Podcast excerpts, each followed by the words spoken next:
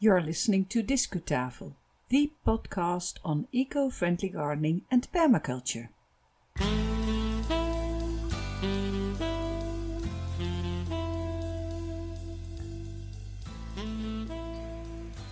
Welcome to this episode of Discutafel, the podcast on eco friendly gardening and permaculture. Today is December 27, 2018. My name is Yvonne Smit and I am your host. First, also on behalf of my colleague Marlies Notemans, I'd like to wish you a very happy gardening year in 2019. Today's show is about Ryton Organic Gardens near Coventry in the UK. Why is that? Well, in this demonstration gardens, Ryton shows you the principles and practices of organic garden and they managed to do that in a pleasantly educational way and a very attractive way as well. I've seen at least a dozen of different individual plots there last June 2018. And each garden is dedicated to a special theme, like naturalistic planting or growing your own food. I was running out of time that day and did not manage to see the whole grounds. Uh, the whole grounds contain about 30 individual gardens and it's about 10 acres. That's about uh, 40,000 square meters. It's mainly me who is to blame, and you'll find out later in the show why. Let's say your devoted Discutafel reporter likes to explore the country and learned you can not always count on frequent buses back to town. In this show, you'll hear part one of my walk in the gardens, and later on, we'll publish part two. But first, I'd like you to experience a little bit of my journey to the gardens as a side story you might enjoy because it was rather an adventure on itself. And you'll hear some facts about the gardens and about its owner, Garden Organic. Enjoy this episode.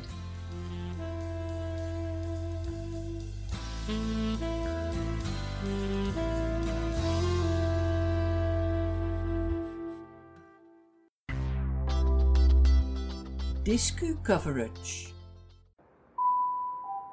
The next train to arrive at platform 4 will be the 1040 Virgin Trains service to London Euston, calling Coventry, Watford Junction, and London Euston. Allow me to tell you something about my trip to the gardens. I took the train from Birmingham to Coventry. We are now arriving at Coventry. And at Coventry Station, I, somewhat stubborn, made the decision to walk to Ryton, which is a distance of at least six miles, probably more. And more importantly, with no public footpath inside and on heeled boots instead of hiking shoes. Don't ask questions, just call me mad if you wish so. Listen to me standing and talking near a busy roundabout. Goldfinches and greenfinches, blackbirds and sparrows desperately try to surpass the traffic sounds, but I'm afraid they don't succeed. Terwijl ik bij een rotonde sta aan een van de randwegen van Coventry, zie ik voor het eerst het bord staan Ryton Gardens. En de puttertjes en de mereltjes en de musjes en de groenling die proberen vergeefs boven het geluid uit te komen van het langsrazende verkeer. When I leave the town behind me, I'm confronted with clashing landscapes. Behind me, there's the very busy Coventry bypass. In front of me, dragonflies and house martins invite me to their marshlands. But unfortunately, I have to walk alongside the roads for rather a long time because the marshes are inaccessible. This walk is taking more time than I planned, precious time which I could have spent at Ryton Organic Gardens. But it's only me who's to blame. There's a bus now and then to nearby Wolston, but I had decided to walk. At about 15 minutes from my destination, I discover on my left hand side um, overgrown stairs with a footpath sign on it. In an attempt to avoid the traffic, I take the stairs. and I'm rewarded immediately. I spot the characteristic church of Ryton Village on the left, which is a beautiful sight in itself. But high above me, high above the fields, a red kite is being chased by a gull. Quite an experience.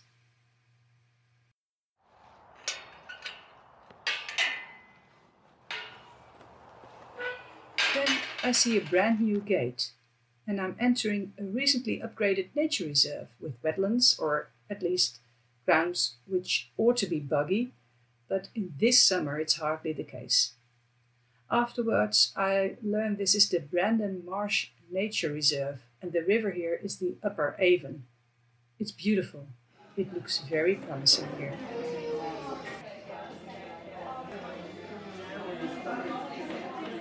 All is well that ends well.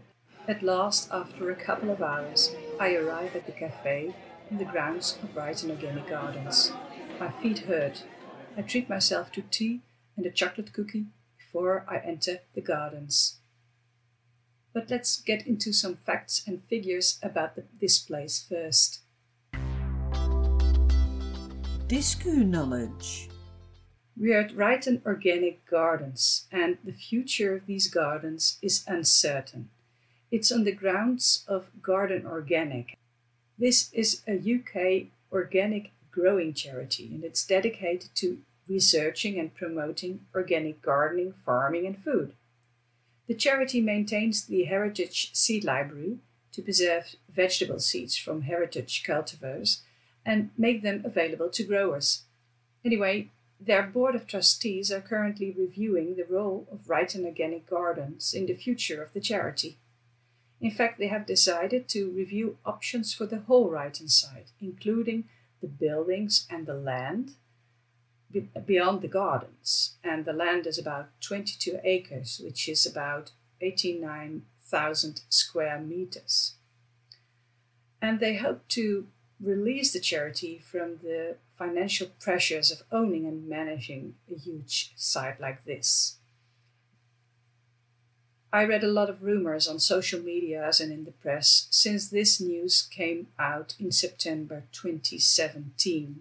Many people have concerns, and members got the opportunity to give their opinions about it.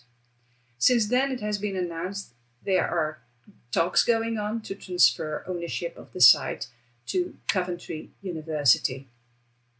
Until further notice, the gardens will remain open to visitors as usual. Later on in the show, I'll tell you more about my visit in June 2018.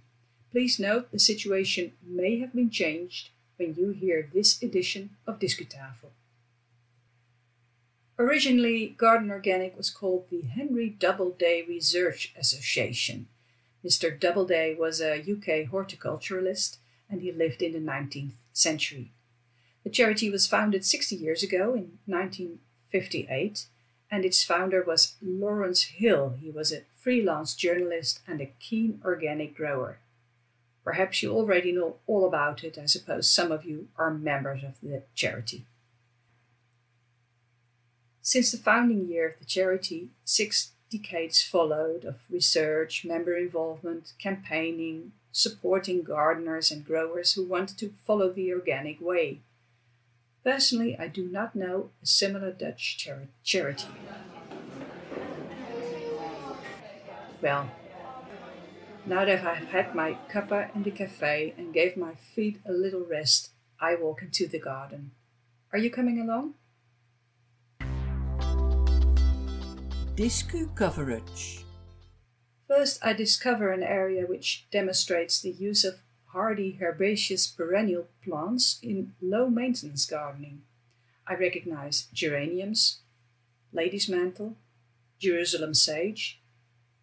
This perennial planting area blends together to produce a natural looking landscape. These plants have been selected because they do not require deadheading or staking lifting or dividing.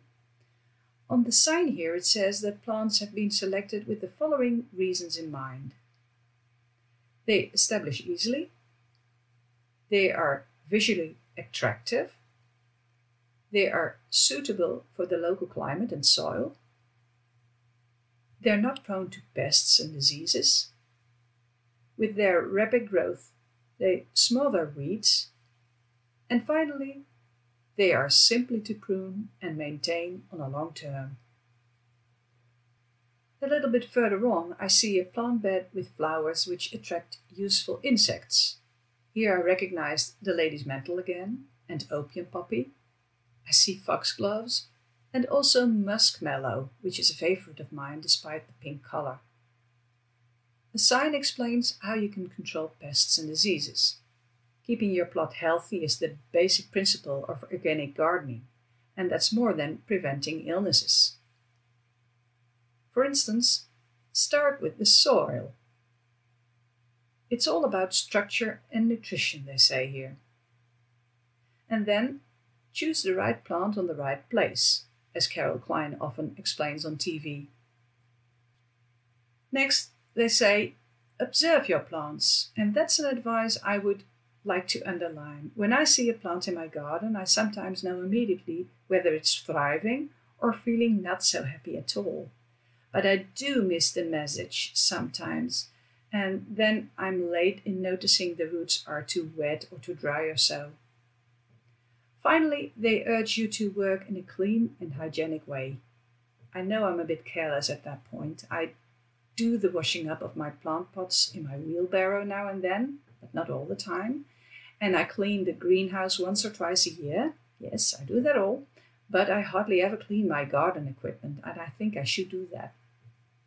As a comfort, they say here at Ryton that it's perhaps wise not to want a perfect garden. You've got to live with diseases, or perhaps you should make your own definition of a perfect garden. I recall Alan Titchmarsh's words. He said, If you fancy the dragonflies, you get them all for free with it. I think that's true. Discu finish. With these words, we come to the end of part one of my walk in Ryton Organic Gardens. Sometime next year, in 2019, you can hear part two. Thank you for sharing your time with us at Discutafel. Please go to the show note on our website, discutafel.nl, for more information on this show's topics, or exchange views with us on Twitter. Our tweets and our website are in Dutch and partly in English. Your feedback is appreciated.